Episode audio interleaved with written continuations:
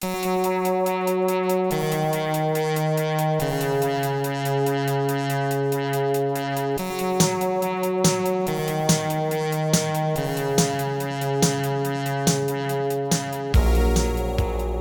to First Draft with me, Sarah Enni. Today I'm talking to Morgan Matson, New York Times best-selling author of The Unexpected Everything, as well as Amy and Roger's Epic Detour, Second Chance Summer, and Since You've Been Gone. Morgan's also been known to write as Katie Finn with the Top 8 and Broken Hearts and Revenge series. Morgan is an LA author, but she's also a frequent bi-coastal traveler who knows the value of a long solo road trip. So she's definitely a woman after my own heart.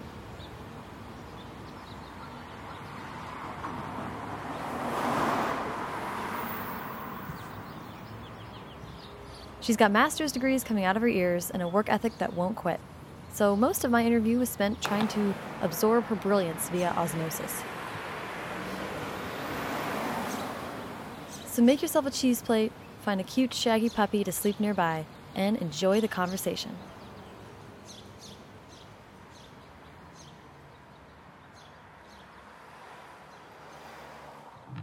Um, so hi, how are you? I'm good. How are you doing? Good, so good. Thank you for having me over at your house. Thank you so much for coming. This is so exciting. Oh my gosh, this is so cool. I'm so happy. And it's such a like gorgeous LA day in the fall It here. is. It is. It's lovely. Yeah.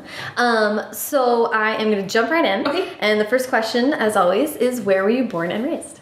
I was born in New York City. Okay. Uh, and was raised in Manhattan uh, until I was around eight, and then we moved to Connecticut. What do you remember of being a very little kid in New York City? I mean, I don't. Maybe it's like my own perspective, but I was like eight. That doesn't feel like that little, I Right. guess. Um, but I thought it was great because we were on like Central Park West um, at like 72nd, and so Mm-hmm. We like went. I went to the Natural History Museum like three times a week, like because it was down the block. Yeah. like you know what I mean. Like you just like these things you like take for granted as like Yeah. a city kid. Um, I really loved it. Like I really loved sort of having a like a city childhood. Yeah. I feel like I got the best of both worlds because I liked going. I liked growing up and like having high school in the suburbs. Like I liked like driving and like having a more normal, not normal, having a more sort of what we think of as a stereotypical high school experience with like going to the diner and like Yeah. hanging out. Yeah, I Yeah. like the, the driving and all, and just like having a locker and things like that. Yeah, like Yeah. and my friends who were still in the city who I'd visit, I was like, oh, this is just really different. Like it's just a really not that it's like anything better or worse. It's just a really different high school experience. Yeah. So, um, when did when you were younger, were you reading a ton? Were you writing a ton? When did So I was always like a voracious reader, like Okay. like super super big reader, and I think I always knew I could write. You know, like you know when you're good at something. Yeah. Like I knew. um I didn't mean to be like I'm so good at it, but like No. you know when you like I could write my essay like on the bus. You know what I mean? Like the morning it was due. Like you know you just like Yeah. I l- liked to write, but yeah, I was a total reader. Like Okay. uh, when we moved. um for a while I was in a bedroom that had like a bathroom attached, and so because my parents were always like, "Turn out your lights, time to go to bed." But I found I could like go into the bathroom and like sit on the bathroom floor with my book, and it would look like I was just like in the bathroom, and it was like, you know, I thought I was like so smart. And like years later, my mom was like, "No, we knew what you were doing," and I was like. I thought it was so sneaky. Uh, I just interviewed Jessica Morgan, and she was talking about read. She would read books in the shower. yeah, you find you. We really try. We find our ways. It's so hilarious to think of a little kid mind just like the only devious thing you're doing is like, how can I read more? I don't want to go to And bed. now, like from the adult perspective, I'm like, encourage that. Like, Yeah. if your child is like staying up to read, like, I don't know, I'm kind of like, let them read. I know they need sleep too, but like, there's come on, worse things. Come on, there's a lot of things. Seriously. Um, so so that's awesome. When did creative writing was that ever a part of your like young Um. I mean, I remember like writing like stories and stuff. Mostly when they were like assigned for school. Like, I mm. don't remember writing a ton. I always kept a journal. okay. So I was doing that, but I don't remember writing a ton. And it was always like one of those things if there was like an assignment in English where it was like, Right. write this thing. I was always like, ooh, yay. And I would always like be that kid who it was like a like two page thing and like tw- I'd turn like a 20 page story. Like I was like that Interesting. kid. Interesting. Um, Um, because I know then you went to school for theater. Yes. Was that more of a presence in like high school and stuff? Yeah, so I was I was a dancer like all through like elementary and middle school Oh, wow. and like into high school. I was um, studying ballet really intensely. Wow. Um, and it was like that like moment that comes when you're like freshman where it's sort of like, am I gonna do like am I gonna do this? Am I gonna like go to school basically like a professional children's and like Right. only but like be dancing all the time? Or am I gonna like go and have a more normal high school Mm-hmm. experience? And so I, I knew I wasn't I wasn't like quite good enough. But I was kind of like I want like like Yeah. regular high school time. But so you're, I mean, you're so you're like 13 or 14 Yeah. trying to make that decision. Yeah. That's really tough. It was, and it was like it'd been like my whole like world, and I was like spending summers at dance camps and like Yeah. that stuff, and I did that even through like after my freshman year of high school. But then it was like, okay, I'm gonna just I'm not gonna dance in the same way anymore, and I got really into my high school's theater program, acting, and um, and so my high school had this really great. It was like an amazing drama department, like it was crazy. Ooh. We did like three like big main stages a year and like two smaller productions and like an original works festival and like had an improv thing and like it was crazy That's wild. yeah, it was like it was also like my mom was like, "Oh my god, like this is not professional." But like every day we were there for like six hours, like after school, like rehearsing. But um, they had an original works festival where it was like every it was like probably like five to ten page scenes, I would say. And then you like if they got accepted, then you like had to ask one of your friends to like direct it, and you got to cast it and Oh, like cool. put it on its feet and all that stuff. And Yeah. So I started writing for that and loved that. Interesting. Yeah. Okay, so you're So writing was- short plays. Yeah, so it was like I was like like I started sort of writing as a playwright, and That then when I went to college, I was a theater major, and then I ended up getting my theater degree in play like a concentration in playwriting. Oh, okay, Yeah. okay, wow. Um, did you feel like you were when you were just dancing?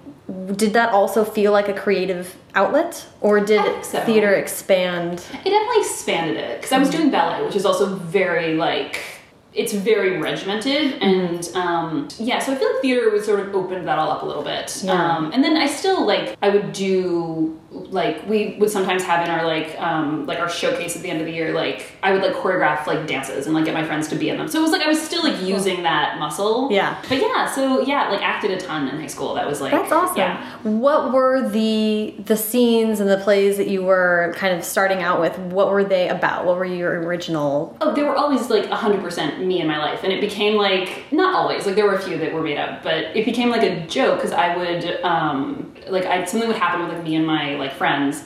And then I'd like bring in the scene to like be read in our like class the next week and it would just have everyone's names.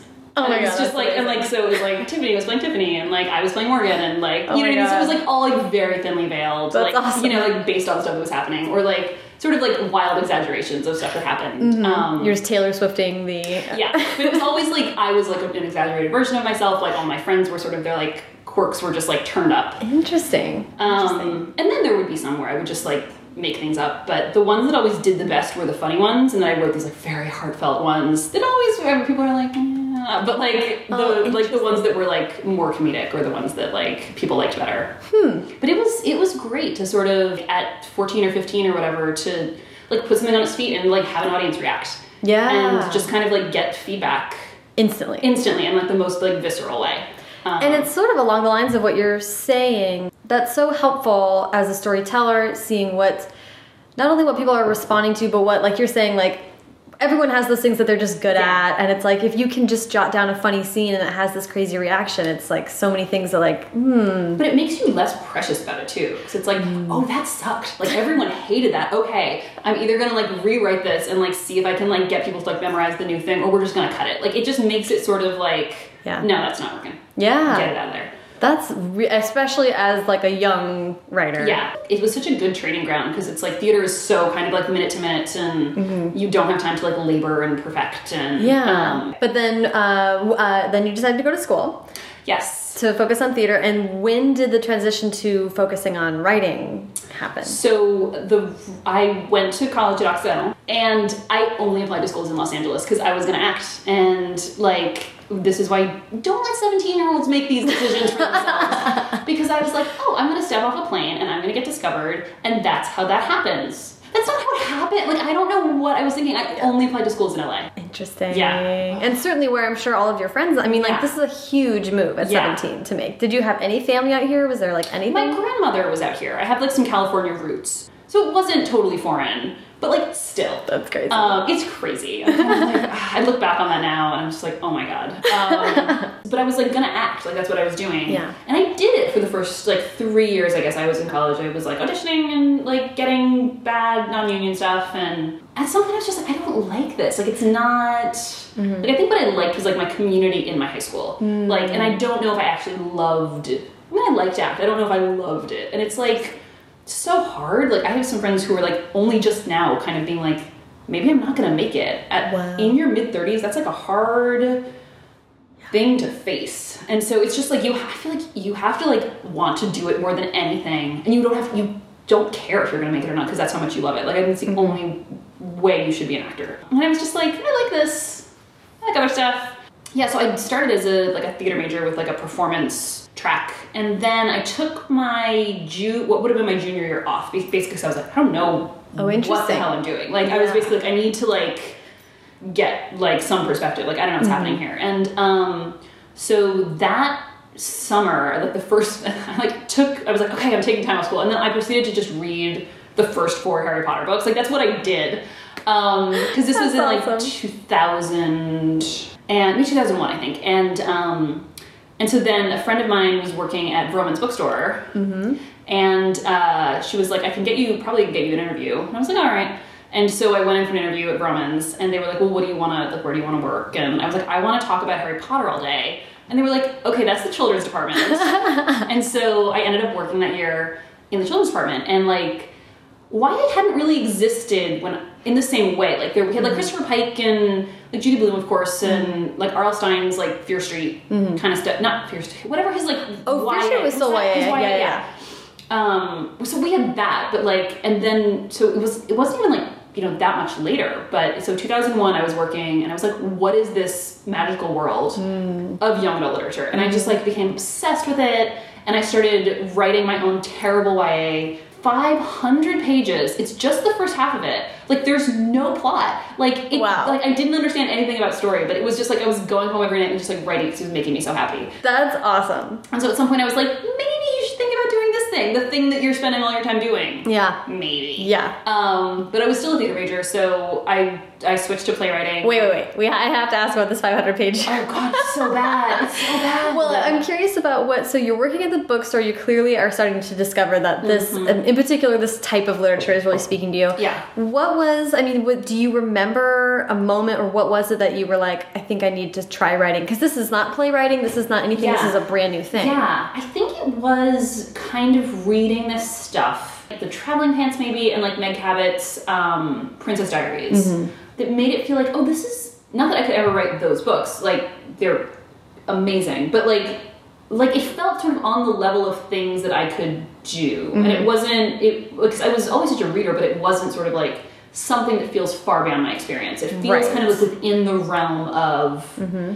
And both those books are so well crafted and they're so sort of girl centric and the Cabot books are so funny. It was sort of like I felt like there was a lot that I was hooking into that I was like, I feel like Yeah, Yeah. it's sort of like a contemporary, funny play, Yeah, exactly. like what you'd Yeah, yeah. already shown Totally. yourself you could do with good Yeah, response. Exactly.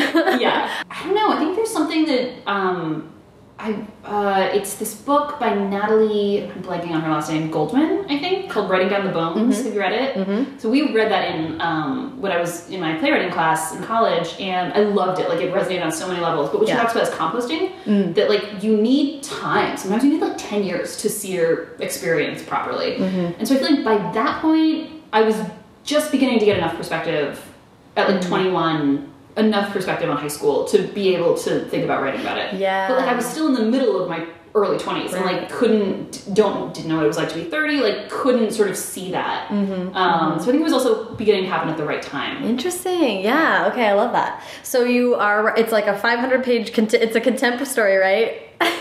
it's so bad there's just no plot it's just like it's basically me and my friends from high school like just talking Oh, I like love it. hanging out I love it. yeah that's what was so helpful for me was because it was having so much fun Yes. Like, and I was like coming home and doing this by choice every night. Yeah. And it was just like Yeah. loving the process, yeah. which I, think was like a big thing. Well, and then you had your time off to do Mm-hmm. to do with whatever you wanted, and you blazed through four gigantic kids books. Well, the, there's a great quote that's like, pay attention to what you pay attention to. Whoa. That's Yeah. really good. And it's just kind of like, yeah. I'm gonna put that on a pillow. Yeah, it's I just like, it. watch what you do. Like, Yeah. it'll tell you a lot. and respect it because you can't, you don't Mm-hmm. Yeah. necessarily, you can't change it, nor do you really need to. well, it was, I think it was some, one of my playwriting classes in college, we had to write a manifesto. Like, we had to write, like, what was important to us and why. It just sort of like, you had to be like, this is me, this is who I am, these are my beliefs, these are my values, like, this is what I believe, this is what I hold important. Wow. And it's, it's like a big thing to be able to write that down. And, like, yeah. it's a, like how long was that? Was there like a? I don't think there was like I don't think it because I think it was basically like just write and basically until you're done with your most sort of core precepts. Um, Oh, that would be just. Wouldn't that be an amazing thing to do like every five years or something? I know seriously. Now that I'm saying it, it's like why haven't I done that again ever? That's so interesting. Yeah. And then, I mean, uh, um, Stephanie Kuehn is a brilliant um, writer in the Bay Area, and she is so purposeful in writing about. And when she talks about her books, it's very much that. She's Uh-huh. like, what I really wanted to say, and then it's these, Oh you know, God. incredibly intelligent, like overarching human things. and I'm like, oh my gosh, to be able to know that that's what you're going for Yeah. would be so helpful when you're writing, Yeah. and to be able to boil down, like, no, I'm. It's really important to me that I say this. Uh huh. Okay, so uh, so we were we got to you deciding to go back to school Yes. to finish school. Which is also like I recommend it. I recommend like going to the real world and be like, oh, I have to pay my rent. Like I have to. What's this now? Like oh dear. It like I because I've been sort of I've been kind of into school, but I hadn't been doing like great. I've been doing great in all the classes that I liked. Yeah, yeah. Um, and I came back and got strays for the next two years. yes, because I was just like, I could just go to a library. I don't have to like work a, like for eight hours and be on my feet and be wearing a apron at a bookstore Mm-hmm. for some reason. Like it was just like I was like, oh my gosh, But this I- is amazing. Gap years are. Uh, I wish that was more of a common thing. In I wish. I'd done it before college. Like I think it would have like focused me a lot more. But. Yeah. you know, I mean, at that point, you go back to school and you're obviously like sort of more focused on just getting it done, but also what were you paying more attention to? So I basically like I couldn't. I'd done, and I didn't want to throw away my theater major, but it was basically like you can't at that point sort of be like all these classes that I've taken. Right. Forget about it. Little Let's late in the start game. over. Yeah. so I was still a theater major, but I added an English minor Mm-hmm. and a religious studies minor too. But that kind of happened accidentally just because I was taking so many. Like at Oxy, basically, like, there's a vague class. It's called, it like grouped under religious studies, and so there were just a lot of interesting classes. So I ended up getting a minor, another minor. Like, do you Um, remember kind of what? This is you're like maybe the fourth or fifth person that did this, and Oh, I think really? it's so interesting. Yeah, what kind of classes were you drawn to? Well, there were a lot of religious classes. Yeah. Um, like early Christianity and Islam, and um, but then there were also a lot of like social classes. Mm-hmm. Um, sort of. I think it was now. I think they've probably spun that off into like cultural studies or Mm-hmm. gender studies, but like that was all sort of falling under that umbrella. Interesting. Yeah, That's really so cool. It was really cool. Um, so I definitely added the English minor. I was doing a lot of now English classes, and Mm-hmm. I didn't really. I don't think I took a creative writing class until my senior year. I mean, it's so interesting to me that you are still doing playwriting and still obviously have a passion for theater. Yeah.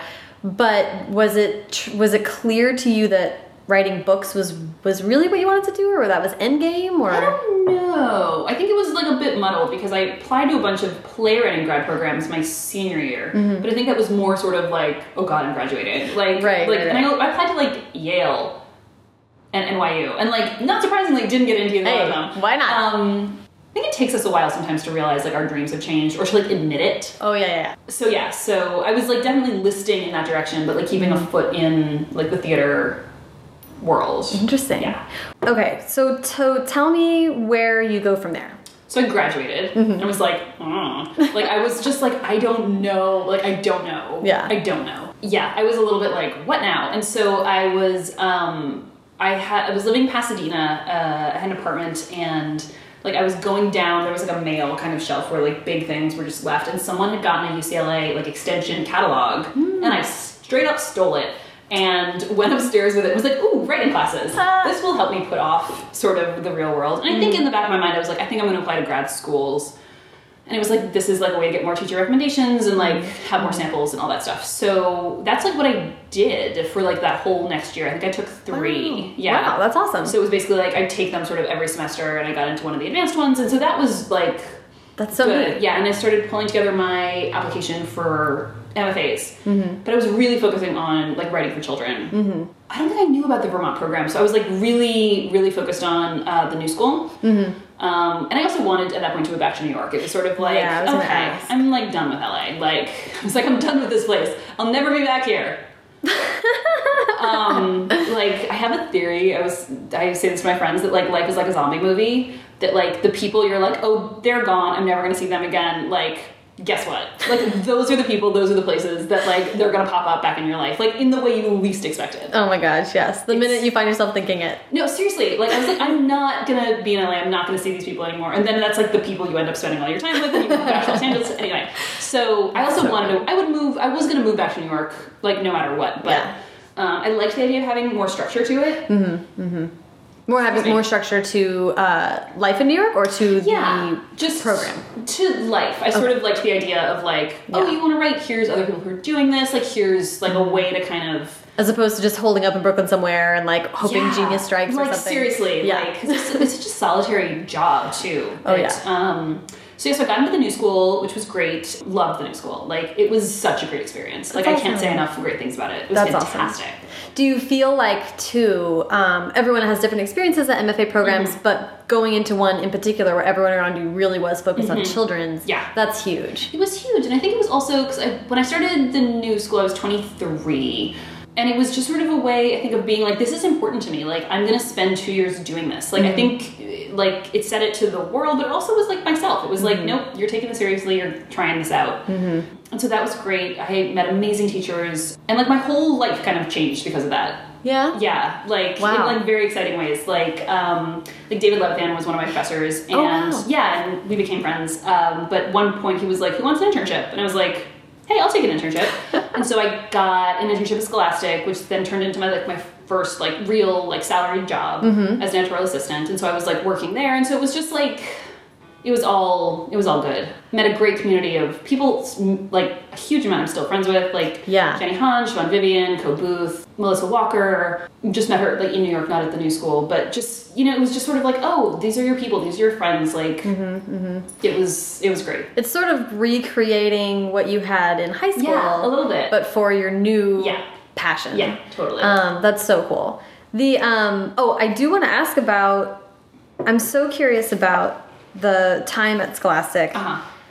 because not a lot of writer writers get to see both sides of that. No, so useful, useful, but also like dangerous. I think. How's that? Well, I think you think you know more than you do. Mm. Like I think it's like because when I first um, was because I sold my first book without an agent because it was like at Scholastic. It was my first one under my Right. pen name. Right. And that came about because I was just like in a meeting and we were talking about with like the president. I don't know why I was in this meeting. Like I shouldn't have been in this meeting, but I was there and like I hadn't said anything the whole meeting because like the president and the publisher were there. Uh-huh. And this was 2007, and so Mm-hmm. they were like, "What's the MySpace book?" Oh boy. Um, yeah, and um, and as a joke, I was like, "Oh, we could call it Top 8. And the president's like, "Great idea." And I was like, "Not kidding at all. Totally meant that. Like, wasn't, Wow. wasn't making a joke." And then then I graduated the new school that spring, and like a week later, my boss was like, "You want to write that internet book?" And I was like.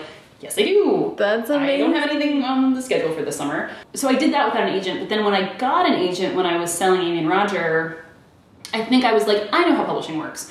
I don't need. I. I just want someone to do my deal. Like I don't need someone to like hold my hand. Mm-hmm. And like a few years after being with that agent, I was like, no, I do. I actually like. I don't know as much as I thought I did. Like I actually need someone like more involved. But I think I thought I knew more than I did. yeah. Yeah. Which is easy to do both when you are. I mean, there's that whole curve, right? Of then you know what you don't know, and Exactly. Yeah, yeah, yeah. exactly. Well, and I So- also never got like the magical mystery experience of having your first book because I was like seeing like the page Oh. proofs come in and I was like talking to the art director and I was like I don't like this and they were like stop being involved in this process and I was I was like the one like seeing the covers route and like Mm. you know so I was just I didn't which is fine but it was like it, it wasn't it was still amazing when the book came out like it was Mm. a real book but it was like also been working on it Well, of- and a few factors, right? It would be hard to be romantic about it when you are seeing Frankenstein's monster see how get put together. yeah. Oh, yeah. And then this was also a book under a pen name, so Right. it wasn't really. I mean, it is you. Yeah. But it was different, and it was sort of Well, it's established. also my name.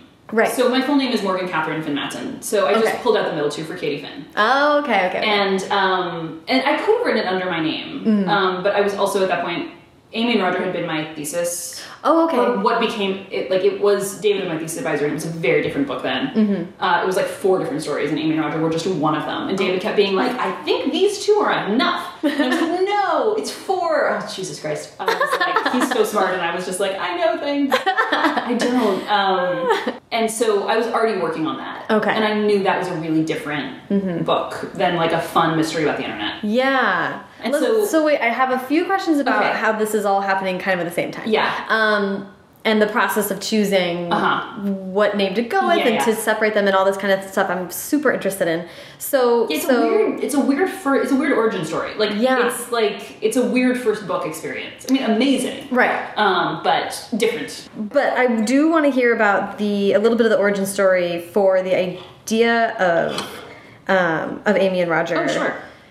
Because it was based on actually you traveling across the country yeah. to move, right? Or Yeah, so I'd um I'd driven out with my mom when I moved when I went back to school for my sophomore year because I moved off campus. I needed to get my car out here because I got it in Connecticut, and um, so my mom drove with me, drove with me from Connecticut to LA, Okay. and then the year because I took a year off after I graduated and was taking classes at UCLA, Mm-hmm. and then. So then after that, I needed to get my car back to Connecticut, and so she flew out and we drove back again. Oh, that's cool. Yeah, so I'd done these two road trips, so that was sort of like in my head already. Mm-hmm. I don't remember when I started working on this piece. It must have been my first year at the new school. Okay. I think it was. And I was basically doing the thing that the manifesto thing, where it was just like I was sort of writing down. I think it was just sort of like a free kind of Mm-hmm. Journaling slash thing about like what's important and what's ex- and I think I, I there was something in there about like long like road trips Mm-hmm. and I feel like that was like one of many but I think that like sparked something and I was like ah huh so then I started writing this book that was originally called How I Spent My Summer Vacation and it was four different perspectives Mm-hmm. and it was all non-narrative so this Oh, was yeah because I think this was like my my crutch into writing narrative even though I'd written my gigantic terrible teen novel Right. and written 500 pages of it. But this, I mean, it's like when you're writing like a blog post and then a journal entry and then like someone's like scribbling on a margin, it feels more like dialogue because it's mm-hmm. just like first person, like a monologue almost. And so I think Yeah. it was like my way of like easing myself into this. Interesting. so it was four perspectives and all non-narrative. Like it's Wow. What? what? and like David kept being like, I think maybe it's just this girl on a road trip. Maybe it's just that. And I was like, what do you know, David Levithan? You're just, you're just a genius. Um, at some point, so then I graduated, I started I'm writing Top 8, Mm-hmm. um, which was basically like, they said write a book about the internet, and then I turned it into like a Agatha Christie kind of Yeah. like, whodunit thing That's awesome. um, with like a ton of characters, and, and that was very close to like the stuff that I wrote when I was writing plays in high school. Like it was like me, the, the character's me. Mm-hmm. I mean, her name's Madison McDonald because I was like, she needs to have an MM. Right, like, right. Like it's basically me and my friends in high school. Like it's very autobiographical. And so wrote that, and that came out in 2008 when I was Okay. 25. And so I think I was sort of like after that I was like, okay. Oh, I do want to say, um, w- I'm jumping all over the place. No, no. I do want to say I think it was hugely important for me because I never finished anything at that point. Mm. So I never finished anything, and I was really good. At, I can start anything. I can write anything for 30 pages. Mm-hmm. Like that's my like happy place. Um, but I never finished anything, and it was. I think it was huge for me that they were like, okay, great. Here's a book contract. Mm-hmm. Here's half your money. If you don't do this, you have to give it back to us. Mm-hmm. And so I spent that summer after I graduated writing the book. Mm-hmm. And it was like I mostly wrote on weekends because I was finding it too hard to write. Like be working on YA books all day and then Oh, come yeah. home and write my own YA book. It was just too much of the same pool. And I was working in the imprint that published Top 8. So it was like it was Wow. all those kind of books Yeah. too. So um so that was really big and I remember the moment, you know the moment where you sort of you're you're over the top of the roller coaster and you're beginning to go down. Like I remember that moment when it happened because it was like before that you're like fighting through the thicket of the middle where I always would have given up before then. And if I hadn't had a contract, I would have given up. Like straight up given up. Yeah. Um, but I remember that feeling of like, oh my god, I'm gonna finish this. Like I'm gonna finish this book. The end. The end. And it was just like that like Yeah. that like downslope was so fun and then there was just something to like I just wrote a book. Huge. So huge. huge. And I think it's like I think it's one of those things that's hard for people who are starting out, like Mm-hmm. because going into Amy and Roger after that, I knew I could write a book because I'd written a book.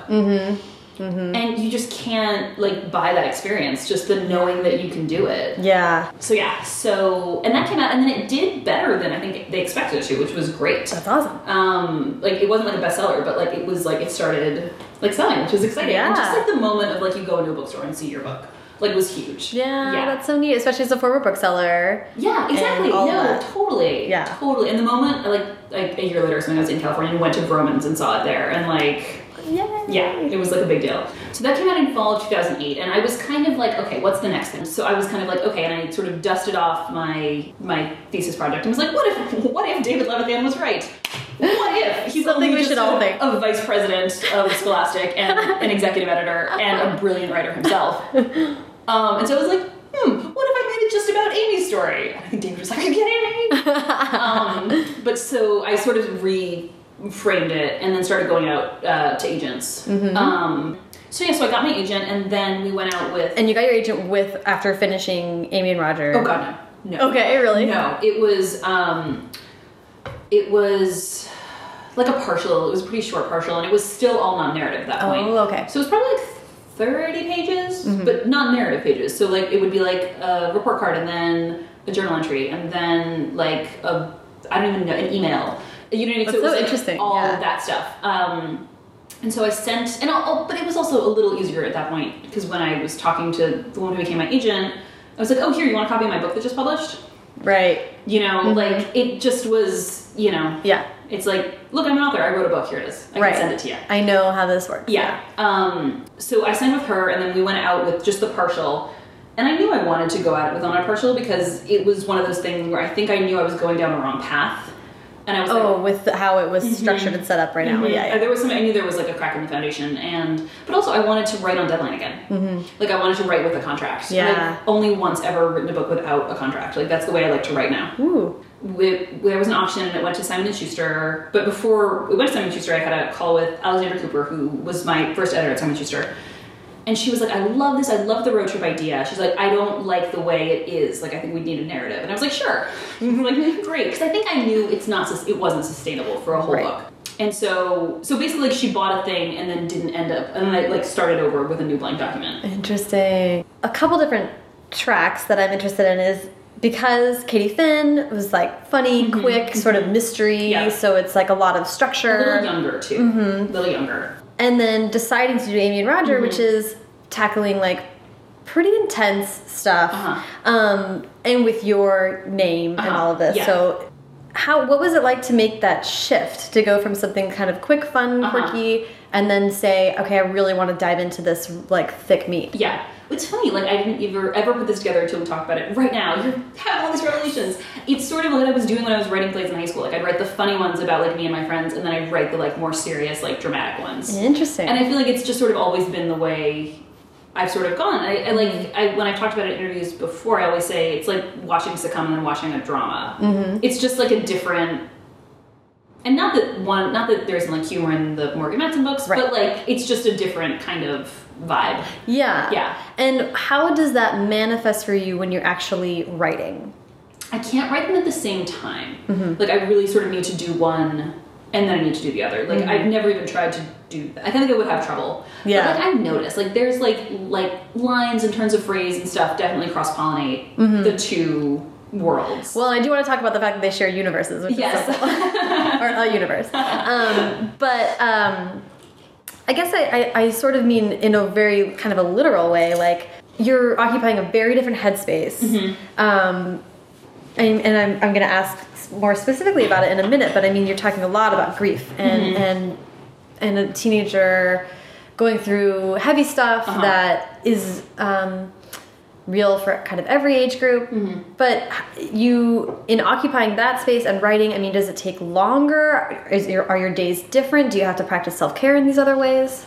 I don't think so. I think it's more like I think I think it helped that the first Katie Finn book was a mystery mm. because there's a structure to that, mm-hmm. and so I feel like those books you those are plot 1st mm-hmm. The I think I also got lucky with Amy and Roger because there's a kind of like a, there's a clothesline in that I knew where they were going next physically.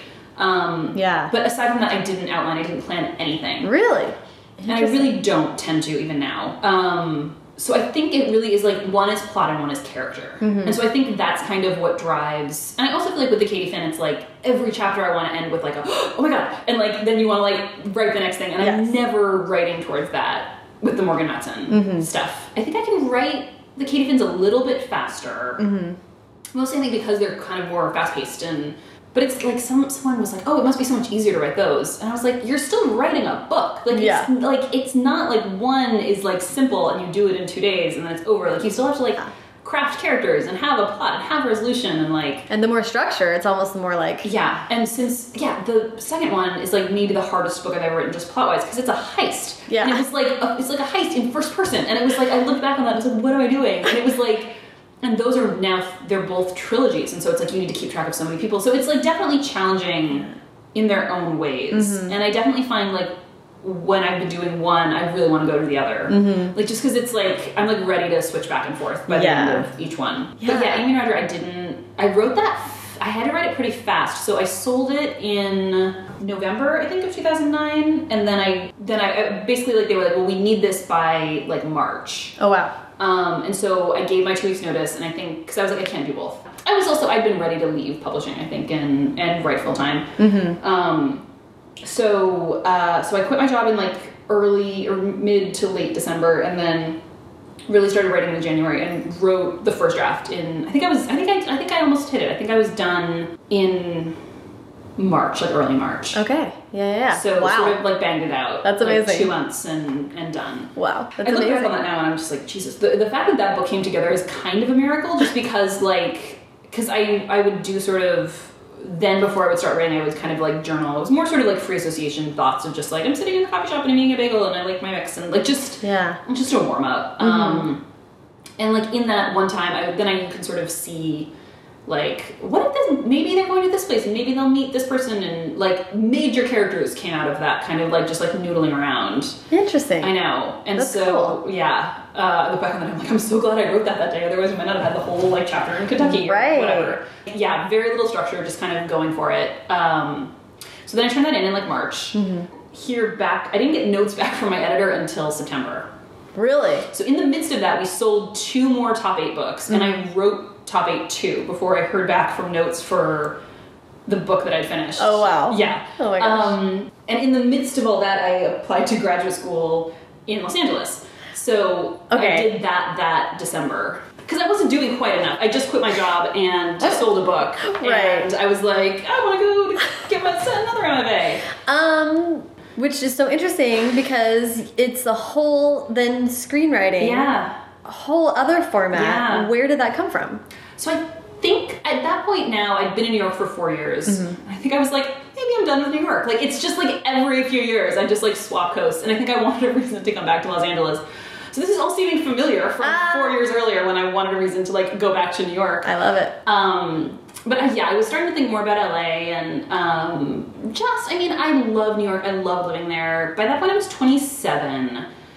And it just, it's like a lot of my friends were starting to move away, hmm. honestly. Like, I was Yeah. in Brooklyn, I loved it, but a lot of people were settling down, having families, leaving town, like Yeah. going to Pittsburgh or Ohio or upstate New York. Or it was hmm. just getting, a lot of people couldn't afford it. A lot of my friends were leaving. And I was kind of like, this is, I mean, my apartment was fine, but I was like, is this like where I'm gonna be like in hmm. this apartment unless I leave New York? Like it was just sort of like I don't know. Like I was just feeling a little bit like hemmed in by the city. Yeah. And I think I also knew the longer I stayed, the harder it would be to pick up stakes. You know, it gets harder the older you get to like Oh, pick yeah. up stakes and move across country. Oh yeah. So yeah, I'd always been. I mean, I think it's the playwriting thing. I'd always been interested in it, but I sort of it's the same thing. I like.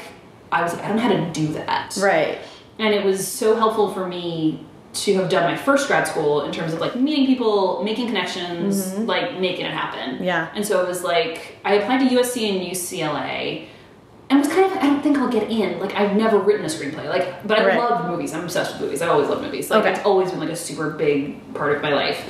So I did that and then I found out I got in like while I was like finishing Amy Roger. Wow. So so screenwriting. Mm-hmm. ha- Um, you did you have to write any kind of like a sam? I mean, when you were applying, did you dive in a little bit? Yeah, so but I don't honestly I think the like idea to apply, I've been thinking about moving to LA and then um this is like so dorky, I can't believe I'm revealing this on a podcast. Um, so I was like home in Connecticut for the weekend and I was reading like the Times book review and um I don't know if you know David Benioff. He's like one of the showrunners of Game of Thrones, Hmm. um, but he's an amazing novelist. Like he wrote um, The Twenty Fifth Hour. It was a Spike Lee movie with like Edward Norton. And, Yeah, yeah, yeah. So he adapted. He was just a novelist, and he adapted that. And then he wrote like a beautiful um, collection of short stories. And then one of my favorite novels, um, oh, City of Thieves.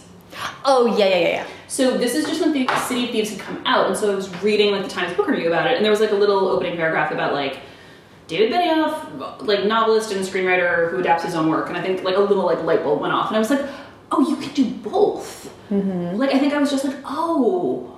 I didn't know you were allowed to, like, it was almost like I didn't know you were allowed to do that. Like, you mm-hmm. were allowed to be like, I love writing books. And what else is there? Like, what's behind door number two? Like, even though I just started writing books, like, I was like a full time writer for like two months, and I was like, more please. Um, but so I think that was like the original spark. And I think in the back of my head, I was like, what if like one of my books got optioned? And I would want to say like I want to adapt this. It would help to like flash my degree from like the top film school in the country. Oh yeah. You know what I mean? I wouldn't just sure. Mm-hmm. be like random person being like, I want to do this. So I think that was sort of where that started. Yeah. But so to go back to the road trip thing. Yeah, oh, yeah. From like 20 minutes ago. Please. So turned in the first draft, and then I think it was pretty soon after that. I think it was like April or May. I was like, okay, because I'd written that while I was living in Brooklyn, not having really driven. I mean, like driving like Right. in Connecticut on the weekends Right. occasionally, but writing a book about being in a car for like 10 days. And like, Yeah. and also there was a lot of the book of Amy Roger that I'd never been. Like I was like, I want to go to Graceland. I've never been to Graceland. Like this needs to be in Colorado and Kentucky and like all these places I'd never made it to. And so I was like, okay, well, I'm still waiting for notes. Like, we're still putting together the other Scholastic deal. I'm not doing anything right now. And so I flew to LA and rented the same car that they drive at Amy and Roger. It's like, That's wow. cool. And um, and traced their road trip back. And so that was like the road trip. And then it changed a lot in the revision because of that. Yeah, Yeah. that's amazing. Yeah. What are what are one or two things that like the biggest changes that you were like, oh crap, Oh I have to make this huge. So in the book, they um they're in Yosemite and they leave going the wrong way and Oh. on like Highway 50. Right. Yeah. So I did that. so I'm I like didn't know. I just like wasn't paying attention and like in the book in the first draft they just like leave and they go on to the next place and like that's it. Right. And so, but I had like, it's almost literally what happened to me is the experience in the book that I'm on Highway 50, which is famous. Like, Stephen King wrote a whole book about it called Mm-hmm. Desperation. It's like, it all takes place on Highway 50, and it's like this famous deserted highway. You, Yeah. you like prove that you've done it. You can like get a badge from like the Nevada like state government that says like I survived Highway 50. Like I have no idea of any of this. I'm just like driving on this road, being like, where did humanity go? What is happening? And it Yeah. was like this like terror. It was like because it was like four hours of not seeing a car Wow. And suddenly being like, I don't, I don't know what's happening. Like, it- am I alive anymore? Like, is this a zombie movie where like humanity has now ceased to exist and it's just me? Like, it's it's that's it. Yeah. Like, I was like, I don't understand what's happening. It was terrifying because it's like I did that whole. So I, when I did that road trip, I was by myself, Mm-hmm. and it's like I don't know how to change the tire. Like. I don't know anything about car maintenance. Like. I don't know any of that stuff. And like, when you're driving out west, you pass a lot of like federal prisons. Like, don't pick up hitchhikers signs. And it's just like, oh my god, like what is going on? And then basically when I realized it was happening, like I talked to someone at a gas station and they were like, how did you not know that you're here? Like, what are you doing? And they were like, fill up because there's like 200 miles between rest stops and Wow. super scary. But like as soon as I like found civilization.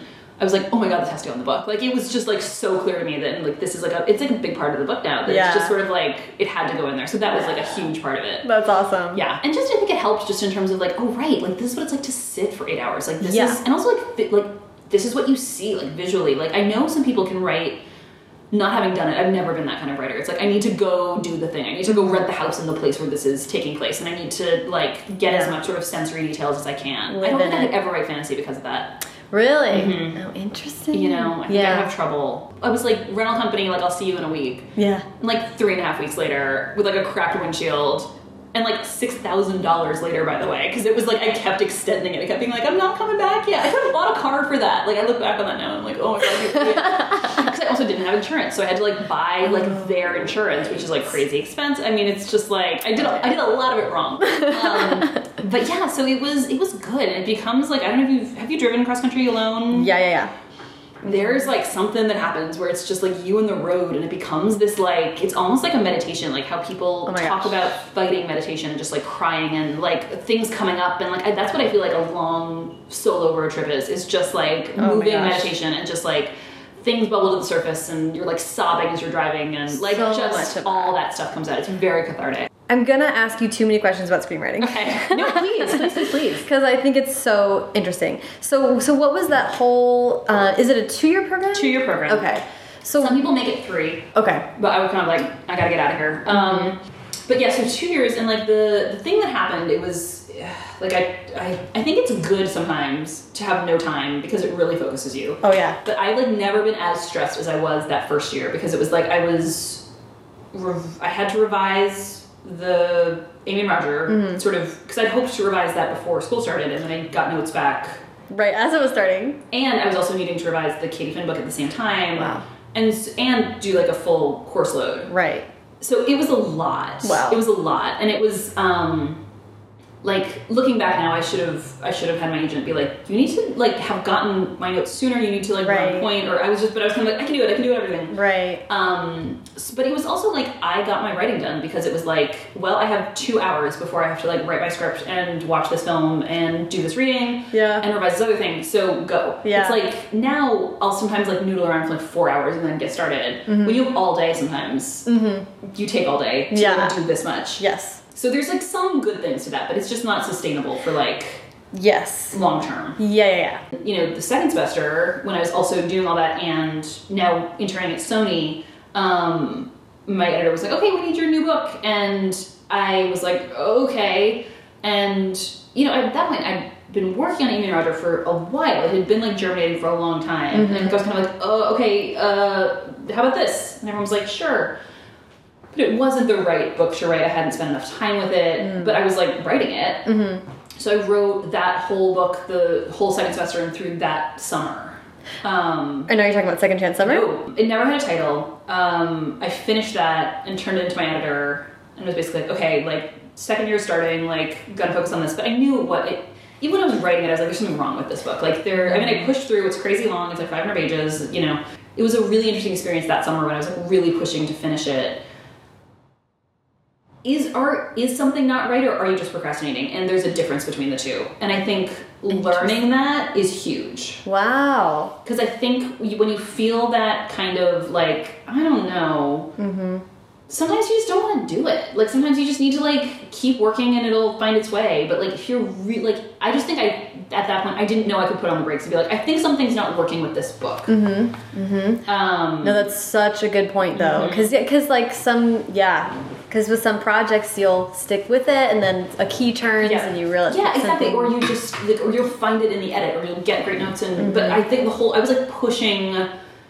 I was pushing something that wasn't working, but I was like dragging its lifeless corpse like across the finish line. Like, and not that it doesn't have its moments, but it was like Uh-oh. not good. And so I turned it to my editor, and then she got back to me late enough that we now missed 2011. Mm-hmm. And so she was like, "Okay, so this is 2012," and I was like, "I don't even." I was like, "I really actually don't want your thoughts." yeah. Like, if we're gonna do a book in 2012 anyway, Mm-hmm. I want to write a different book. Wow, that's huge. Yeah. That's really huge, and Yeah. that's like a big moment for you as a professional Yeah. to be like, I just can't. Yeah, yeah. And it's just like, it wasn't, and it was. I think part of the problem was Amy Roger came out that spring, and so even though you should never do this, don't go on Goodreads. Um, I was like beginning to find bloggers and people on Goodreads and people who were being really kind about the book and like who really liked it and were really excited about what was coming next. And I could sort of pe- picture these like lovely people reading this book I was working on and like faces slowly falling and like putting it aside after page 17. Oh, like, sad. and it's like because I think you, it's like that double-edged sword. Like you, you can't. I think you do have to be aware of your audience. Like I feel like some people say like I don't think about my audience, I don't think about my readers, but I think you, I it helps me too. Mm-hmm. And just kind of even though I would never stop writing a book because of this, I was like, this is not the book these people are going to expect to follow this, mm-hmm. and not like in an interesting, different way. Right. In like a this is not the right. Yeah, not like I hope my readers will follow me Exactly. here, but like, oh god. Yeah, I made I like. I've lost them. Do you, uh, I don't know if you watched Arrested Development. Yeah. But it was like it was like oh I made a terrible mistake. Like it was like that like camera push in moment. Yeah, yeah, yeah. Um, yeah, and so then I actually got to be able to like take the whole first semester and just do screenwriting, and then sort of start um, second chance summer like that. winter. Wow. So that was good to like have like. Okay. So I think I was able to have a semester of just like being in grad school. Wow, and a little bit then f- as far as your book brain. Yeah, like like let- a fallow exactly. period, Like kind it of. could sort of germinate. Yeah. I mean, this isn't what happens to everyone, but when you're under contract and it's like, oh, okay, I guess I need a book. Mm-hmm. How about this? Like, you gotta have something you really, I think, are passionate about. Mm-hmm. Um, But I think it was good. I'm like, I kind of am glad about that book that no one will ever read because it's, you know, you learn stuff from it. oh yeah, yeah. Every book has something to teach. So true. It's so true. um, And a friend of mine said this, and she's so smart. She has two kids. And she's like, it's like your children. Like, you figure it out with the first kid, and you're like, I got this. I know how you work. This is great. And then the second kid comes along, and it's a totally different kid. And you need to, like, start from scratch. And I think it's the same thing with books. Like, you finish your first book, and you're like, I'm good. I know how I write. I know what this is. I know how to do it. And your second book comes along, and it's like, I'm totally different. this makes no sense. yeah, exactly. Um, I can imagine that you have this sort of period, a fallow period. Mm-hmm. There's not a book thing that's like demanding your Yeah. time and attention, and then you're able to sort of luxuriate in thinking about stories in this mm-hmm. totally different way. How or did that at all factor into Second Chance Summer? I think I think it was. I think it helped to sort of have time to kind of mm-hmm. like just like let things like bubble a little bit. But I think that's totally the reason why like two of the minor characters in our screenwriter is just because I was like, I know about this. Yeah. I'm gonna put them in there. um, so I think that helped. I think it helped to have a little more time with it and sort of. I feel like I, I was working on that also a lot. So I graduated in 2011. That came out in 2012. So I was also like working on it that summer after I graduated. Okay. And I did what I did for Amy and Roger, which was that I rented a house in the Pocono Mountains What? for two weeks, and like Yeah. just was because we always had we had a summer house up. It's basically like I just took the town we had a summer house in, Yeah. and like changed a couple details. Oh, like it's sure. base, it's not even fiction. Like that town, it's like basically just the town I like lived in. it just yeah, I feel like it gave me a little more time to kind of like think about something. Yeah. And I mean, and the reason that I sort of wanted to specifically make sure we talk about Second Chance Summer is because that, um, well, I guess I'll ask a broader question, but but it again is like dealing with really. I mean, it's a very intense and I like sad. always like apologize to people if I'm like at a book festival or something. I'm like, I'm sorry.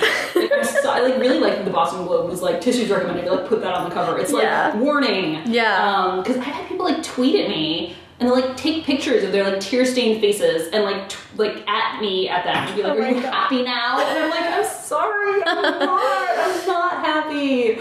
I'm sorry. Um.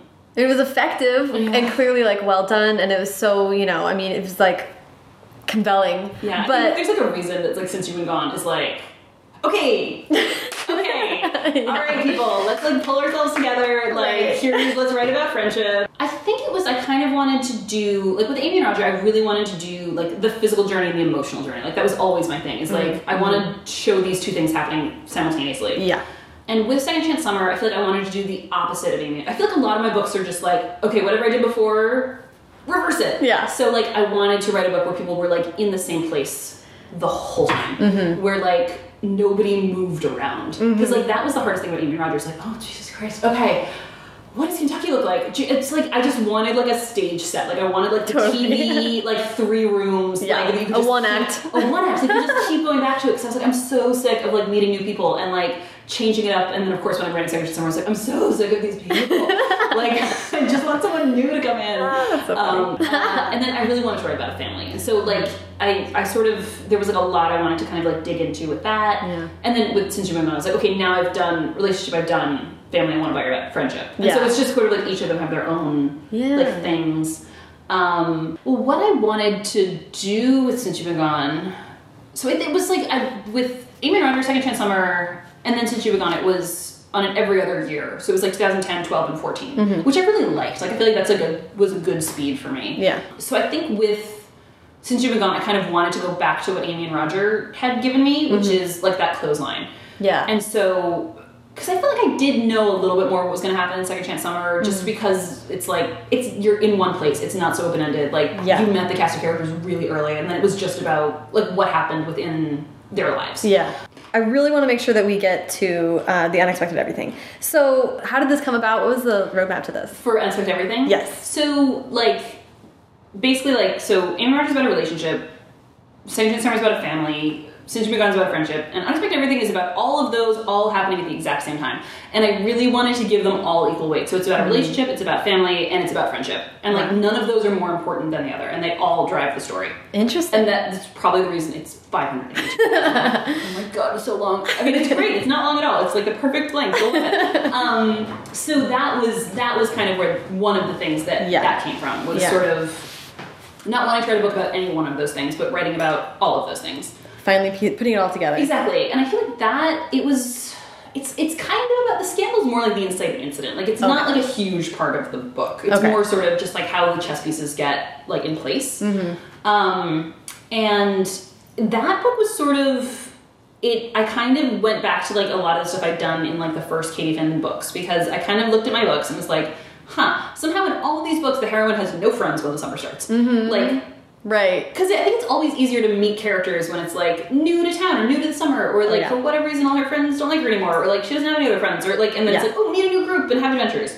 But like that wasn't my experience in high school. Like I don't think it's a lot of people's experiences. Like if you're always meeting a new group of friends every summer, it's like what's happening in your life. um, so I wanted to write about, excuse me, like a group of friends because like I had that. I had a super close group. What that means, like what it is to have these long term friendships and be part of a foursome, and like the Mm-hmm. Yeah. two people who are better friends within that foursome, and like Oh yeah. just what those group dynamics are. And I was Yeah. like, I don't, I don't feel like I see that explored a little bit sometimes Mm-hmm. in a way, but not a ton. Um, and so I really kind of wanted to like dive into that and like someone who isn't like in a new place or like experiencing like she's experiencing new things, but sort of like this is her town, these are her friends, like Yeah. You know, That's she's a little so more cool. rooted. Yeah. Yeah, and then to get to actually delve into the love story Yes, where it's, a longer term. exactly. So that's exciting because I also wanted to do that because everyone got mad at me. They're like, "You people only kiss on the last page of your book. Your books are really long." and so I was like, "Okay." I was like, "Okay, they're gonna kiss like way earlier," and then they kissed on page like 300, and I was like, "I tried, guys." you just made the book longer. That's There's like fine. another 200 pages, so like you're good. um, but yeah, I wanted to. I wanted to write about a relationship. Like I, Yeah. you know, I didn't want just to get people together at the very end and like then we fade to black. It's like no, no, no, Yeah. no. Let's actually like see what. Let's like see someone's relationship. Like, Yeah. um, like I love um, this lullaby, the Sarah book, because it's like a summer of their relationship, and you Mm-hmm. Actually get to see them like having a relationship and. Mm-hmm. I also I had never written about that. I feel like I don't see that quite as much as I want to Mm-hmm. in YA. there, I notice at least, and I could be wrong, but I'm noticing it's sort of like screenplay time period. Then the two books, um, since you've been on Unexpected Everything, Uh-huh. are a little bit hookier. Oh, interesting. Yeah, they have a little bit. I, I was worried about Unexpected Everything because I was like, this doesn't have a strong hook like Since You've Been Gone does. Okay. I'm, well, So I'm when, glad when you're explaining it it more, like, but in my head, I was like, oh, the scandal. Yeah, I think that's like the Sets a great, like- way to like yeah. get into it. Mhm. And I think it was basically just because I love The Good Wife. I was gonna say, is this a, is it just from Scandal or The Good Wife or both? Like, and I think it's just I always like I think. Do you remember when Eliot Spitzer had that scandal? Oh yeah. He had like three daughters, and they were like 16, 14, and 12, and it's just like. What's What- that like? what and your dad's the governor do? of New York, and then he doesn't have a job, and like he's like A I'm just dirtbag. like, what? Like, what's that like for you? It's like because you didn't sign up for this, but you're part of the. I'm like fascinated by political kids because you're part of the package. mm-hmm. Like families are always like they're the people standing behind the, the when the balloons drop and they're like in the campaign ads and like, Mhm. but you don't get like a choice.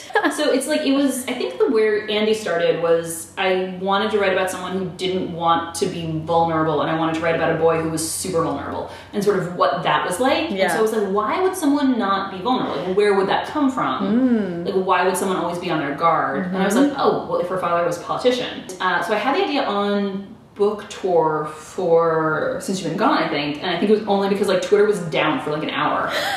Honestly, like straight up. And so I like went to go get lunch like with my notebook and was just like writing in my notebook. And I was like, ooh, idea. And so it's like if Twitter hadn't been down, I think I just would have been like on Twitter. That's so funny. Yeah, so like step away from the phone every now and then. Yeah. Yeah. Well, that's get in the car. Yeah, exactly.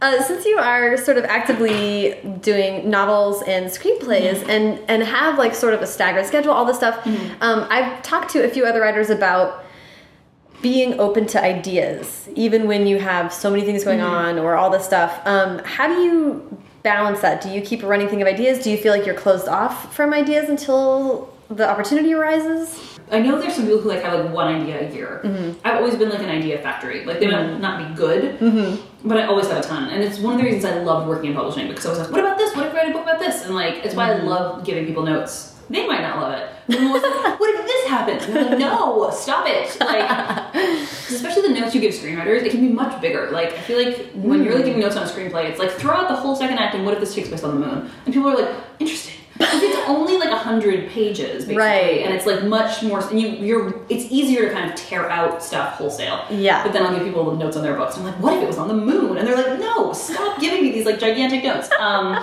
but so I always, I feel like I always have a ton, like, and so I, I do think you do kind of have to be open to them though. Like I feel like, Mm-hmm. um, I, and I do. I sort of have a list of like the things that I might want to write at some point. Mm-hmm. Yeah, Um, interesting. And for me, I've always gotten the idea for my next book when I'm in the throes of revision for the latest book because it's like your brain I think needs a vacation. It like wants to start thinking about something like I was gonna shiny. say when it's clawing at the cage. exactly when it's the worst possible time, and then I'm like, ooh, Um, so so we wrap up with advice. Okay. Um, I would love to hear um, advice to a new writer and like maybe advice from looking at books from your screenwriter brain Uh-huh. if there's anything in particular that you've carried over into the world. oh, interesting. So advice for a new writer. Um, there's like so much I want to say. I feel like I always say the same thing, which is read a lot and write a lot, which is true, and you should do both of those things. Like I think you get better writing by practicing, and you learn about writing by reading. And I would say also like if a book doesn't work for you, don't just be like, ugh. Be like, why not? Why didn't this work for you? Like, what was it about this book? Like, why didn't you believe this character? Like, I think you can learn sometimes so much more from the bad stuff than the good. Yeah. Because sometimes the good, you're just like, oh, it's great. And like, um, like that's like I feel like the movies I watch over and over again are not the greatest movies. I think they're the movies that like have like not quite there, but you can see a good movie somewhere. And that's so much more interesting, I think, than something that's just like beautiful that you'll watch once and be like, that was amazing. Right. So I think you can learn a lot from imperfections. Um, like I think you kind of have to just sit in a chair for a long time and push through the discomfort and like. And I got if honestly, if someone hadn't handed me a book contract, I don't know if we'd be having this podcast. Like I don't know if I had the discipline before that to sit down and make myself finish Right. something. Right. It's it's. I- Do you run? Oh yeah. Yeah. So it's um you know when you like break the pain barrier Mm-hmm. and suddenly you're like, oh okay, okay, oh I can do three miles, I can do five miles, like I can do seven miles, Yep. I can do a half marathon, not a problem. But like those first three until you've gotten there are the worst things in the world. Yes. You break that though and you're great. Yeah. And I think it's the same with writing. I think you need to break that pain barrier. You need to like sit. That sounds like a terrible way to say it, but you need to get past that that. Uh, It's a wall, yeah, It's yeah, a yeah. wall, and it's like you need to just like okay, this is what it's like to sit for six hours or just to like work all day and Yeah. like because I think that our brains, for whatever reason, throw up a lot of roadblocks to our creativity. Um, Mm-hmm. It's going somewhere scary or sort of going into something kind of mystical and unknown. And I think our brains, uh, our rational side doesn't want us to do that because it's not productive and it's not keeping us clothed and fed and alive, which is what that side is responsible for. Mm-hmm. Um, so you kind of have to wear that down, and I think that involves like sitting and bringing your brain back and not procrastinating, and just it's a meditation. It's like forcing yourself to be there, and and it it's not fun, and it's not the glamorous fun part of writing, and No. it's it's it's tedious and it's long, but if you get past it, then it's like that's when all the really good stuff starts happening. Yeah. And I do think you have to love if you are I think if you're writing for the end goal, that's not good. I think you have to love writing mm-hmm. Yeah. To get there. to get there. Like and because That's that's, so the like the publication and the book tour and all that is like a like a teeny tiny fraction. Like most of it is you alone in a room with your computer. yeah. So Slowly getting have- carpal tunnel. Yeah, exactly. Oh yeah, I have the gloves and I have the stand and I have the whole thing. Yeah, people also don't write in bed. I, that is my advice. Oh, like last, for real. like a year and a half ago, I started getting the carpal tunnel twinges, and like because I'd like written books like lying on my stomach, like crunching my poor wrists, and it was just like I knew I shouldn't have been doing it. I knew this wasn't news, but now I have a whole ergonomic setup. So be Yeah. kind to your wrists, people. Um, but yeah, you kind of have to like sit your butt in the chair and do it, and uh, Yeah. and you have to like the process. I think not every day, Right. But just like in general. Mm-hmm. But uh, but it's so worth it. Like if you know, it's so fun. I love what I do. I'm so lucky to get to do it. Yeah. Um, Yeah, it's and awesome. uh, yay! I know, and I, I love talking about writing. So this has been like a dream for me. Yay! It's like so fun every time. I'm so happy that you made the time for me. Thank oh you gosh, so this much. so great. And what I love about your podcast and about reading books or writing is that like everyone does differently. This is just me. Mm-hmm. Like someone else like has a completely different process and a completely different experience, and Mm-hmm. like their two books end up on the shelf next to each other. They it doesn't matter how they got there. Yeah. Um, Uh, well, thank you. Thank you. This was so great. Thank you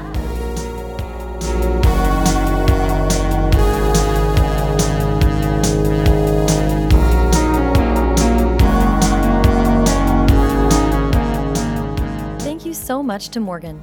Follow her on Twitter at Morgan underscore M, and follow the show at First Draft Pod and me at Sarah Enni. You can check out the show on Facebook and Instagram, but for show notes from this episode, as well as my favorite quotes from this and every episode, head over to firstdraftpod.com. If you like what you heard, won't you please think of heading over to iTunes and leaving a rating or review? Every five star review crosses one thing off my never have I ever list. Is that a good thing in the context of that game? It's hard to say. Thanks to Hash Brown for the theme song, and to Colin Keith and Maureen Gu for the first draft logos. And as ever, thanks to you, intrepid road trippers, for listening.